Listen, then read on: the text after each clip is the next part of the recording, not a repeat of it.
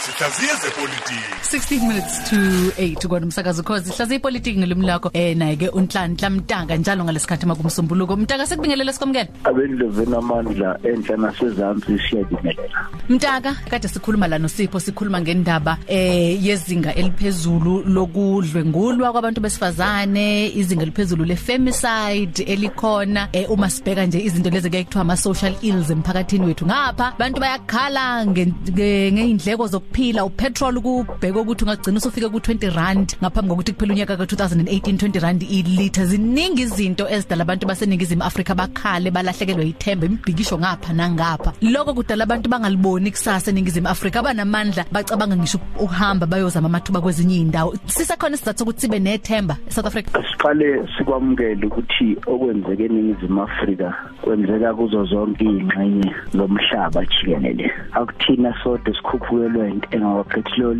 akuthina sodwa esinomdlwengwe edlungula izinsana kanye nabantu besifazane. Akuthina sodwa futhi esinobugebengu kungahluka nje lapha nalapha isibonelo ukuthi mhlawumbe ukuthi ubugebengu kuba nodlame olukhulu kodwa ubugebengu ubugebengu eh lokhu ke kungibeka esithombeni noma kungibeka odabeni lokuthi ngithi yebo njengobusho bakhona abanenhlanhla abahleli nje la kodwa lisakhona ikwabo eMindia lisekhona ikwabo emazweni aseEurope. Thina alikho kwethu. Makubhede eThekwini uyakini kwanongoma makubheda kwanongoma uyayihlokweni zakini enhla zakhe? Asikwazi kuya ndawo thina bohlanga ngoba siwumsinzi singaba lapha lokho kusho ukuthi kufuneke uma sibuka ezinye izimo siyibuka ngeso lesixazululo. Ngiyavuma ukuthi uhulumeni wethu kukhona amaphutha awenzile naqhubeka awenza. Elikhulu kakhulu ileli lokungaxoxi nathi.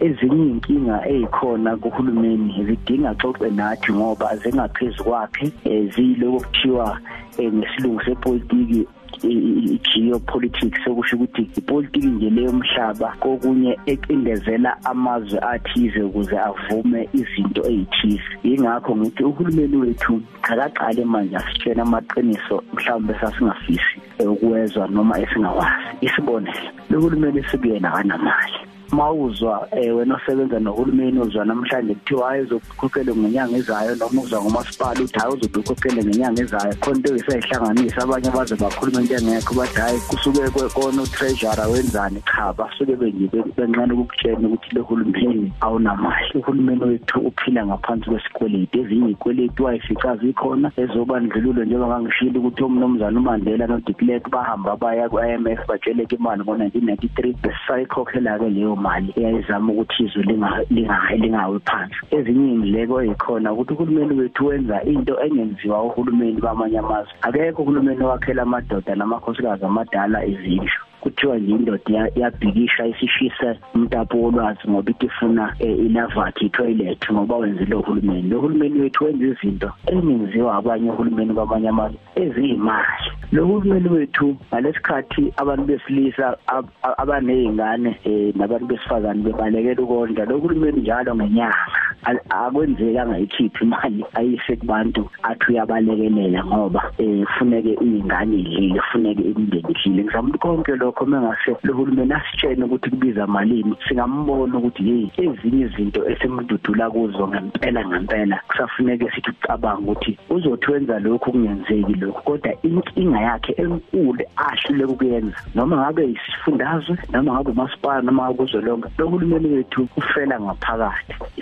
Seyinkingeni enjena njengoba abantu bafela ngaphakathi abafuna ukuthi bantu bakithi siyanethemba nazivotela asinamali. Bantu bakithi siyanethemba nazivotela ake nisilinde lento ngesiyenze kulonyaka siyenze iminyaka emithathu. Ngoba abantu bakithi abazonipha ukuphuku ngalendlela yokuthi ngeke bezwe ngoba tsheni cha ezindle sasithe sizozenza ngeke isaba uma uqaphela ngedadewethu lezindlu ekuthiwa u2 rooms azinkulu kuqala. Kodwa uhulumeni usezehlisile akaxoxi ukuthi hayi ngizehlise khona ngoba uma inkulu ngiyinike umntaka osokuba umntaka yedwa kodwa uma ngiyinciphisa ngaba umntaka nonongcebo futhi kwanda abantu abathola izinto. Uhulumeni wethu akaxoxa ngoba njobe engaxoxi nje siya kuvutho ndaba khona abanye abantu lento eyinkinga engaphezulu kwabo abazoyenza udaba lwepolitiki njengoba siya okhethweni bese singabusayizwa kakhulu.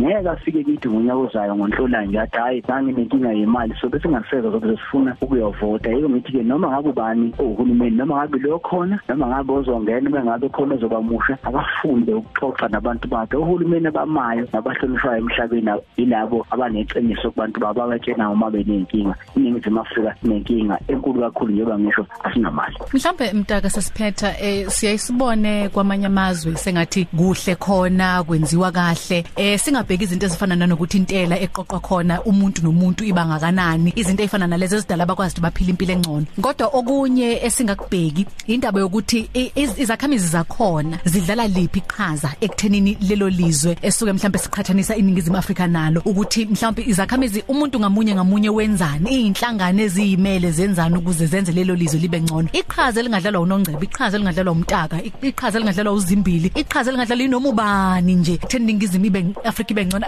Sibheke nje mhlambe indaba yokungcola eindaweni zangakithi sithi uhulumeni uhulumeni yiziphi izinto esingazenza thina umuntu ngamunye ngamunye? Ukuze kube ngcono ezweni lethu? Lokho ukuthi siqale siyiphathe njengezakhamisi nohulumeni asibuke ngalelo so. Kunjengoba ngisho nje kunezinto uhulumeni azenze ase ziba umkhokha umkhokha kithi kunezinto uhulumeni azenze zaze siba isijwayisi isibonele njengoba ngishilo nje. Yini abantu bangathi cha uhulumeni sicela usinike imishini yokwakha ama blocks khona sizozenzela izindlu nosilekele nje umuntu ozodesign noma uzokwazi ukuthi adwebe ukuthi umuzi wenziwa kanjani. Ngoba lokho kungenza sibe nezindlu eziningi kungenza futhi sikwazi ukuthi uhulumeni angachithi imali eningi. Kodwa lo hulumeni wethu ithine sithi hayi akahamba yokhipha ithenda ifika ithenda edliwe yigebengu igebengu ifike zakhe imizi egwegwile bese ibaleka nemali. Kanti kube sinikwe nje umshini ngene sibonele. Lo mphakathi kuthiwa senze eminye obanye uhulumeni benza njalo bathi singanika imishini ezenzela ama blocks masiwathenga ngemali encane siwathenge kini ngoba uhulumeni wethu iqiniso wondla idlanzana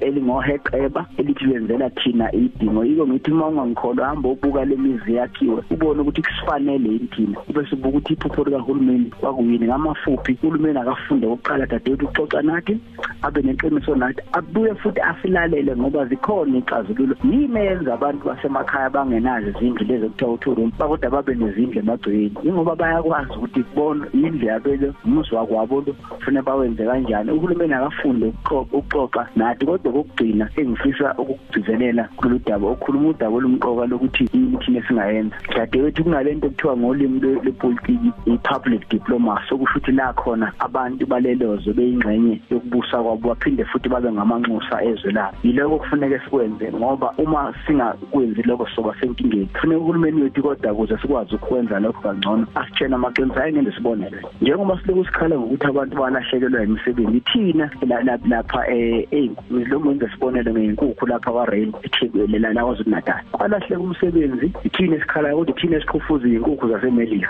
eMelika uma bethi balwa neShayina noma bethi balwa neRussia noma bethi balwa neNingizimu Afrika umphakathi wakhona uyithengi lezo zinto. eIsrael uma bethi balwa nabantu abathize umphakathi wakhona uyithengi lezo zinto.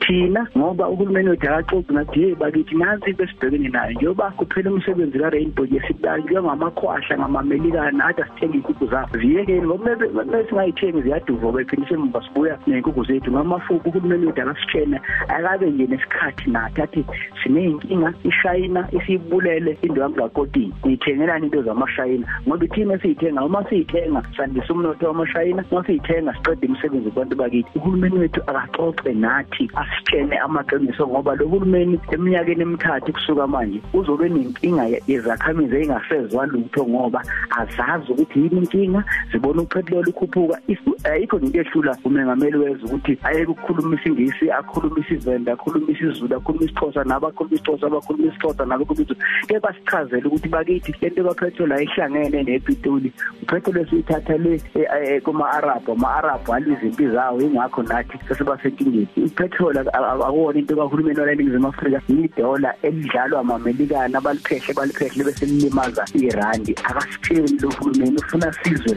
ngabantu bangaphandle abazositshena iy'ndaba ey'ngekho. Akaxoxe nathi iminyaka iyahamba emva kweminyaka emithathu ngeke sisamuzwa sobe sesishisa izakhiwo ngoba siyobe sesifike kuvuthondaba akaxoxe nathi uhulumeni premier uma usilalele xoxa nathi sizokuzwa ngowakwethu. Meya uma ulalela uma ulalela xoxa nathi. Sitshena amaqiniso ukuthi umkhandlu wakho awunamali ngoba thina silokhu sicabanga ukuthi nemali size silimaze impahla kanti vese awunayo imali uhlulwe uxoxa kancane musu ukukhuluma manje ukuthi uzovezela izindlu ayikho imali yezindlu ngeke ibe khona kulo nyaka ngeke ibe khona ngonyaka odla izoba khona ngomnyaka wesithathu. Sitshene lokho sikhuluma ukuthi ke silekelelena kanjani. Uhulumeni yeke ukunika abantu amathenda esingabaza ke ukhulume nathi emphakathini usinike imishini yokwakha izitini bese silethela nje engineer nomuntu ozosilungisela ukuthi kwenziwa kanjani umuzi wafika sinemizi lasakhile eh wafika wena wasuqhamuka necebe elihle silithandayo lezini kodwa iqiniso lithi imali yalo awusenayo.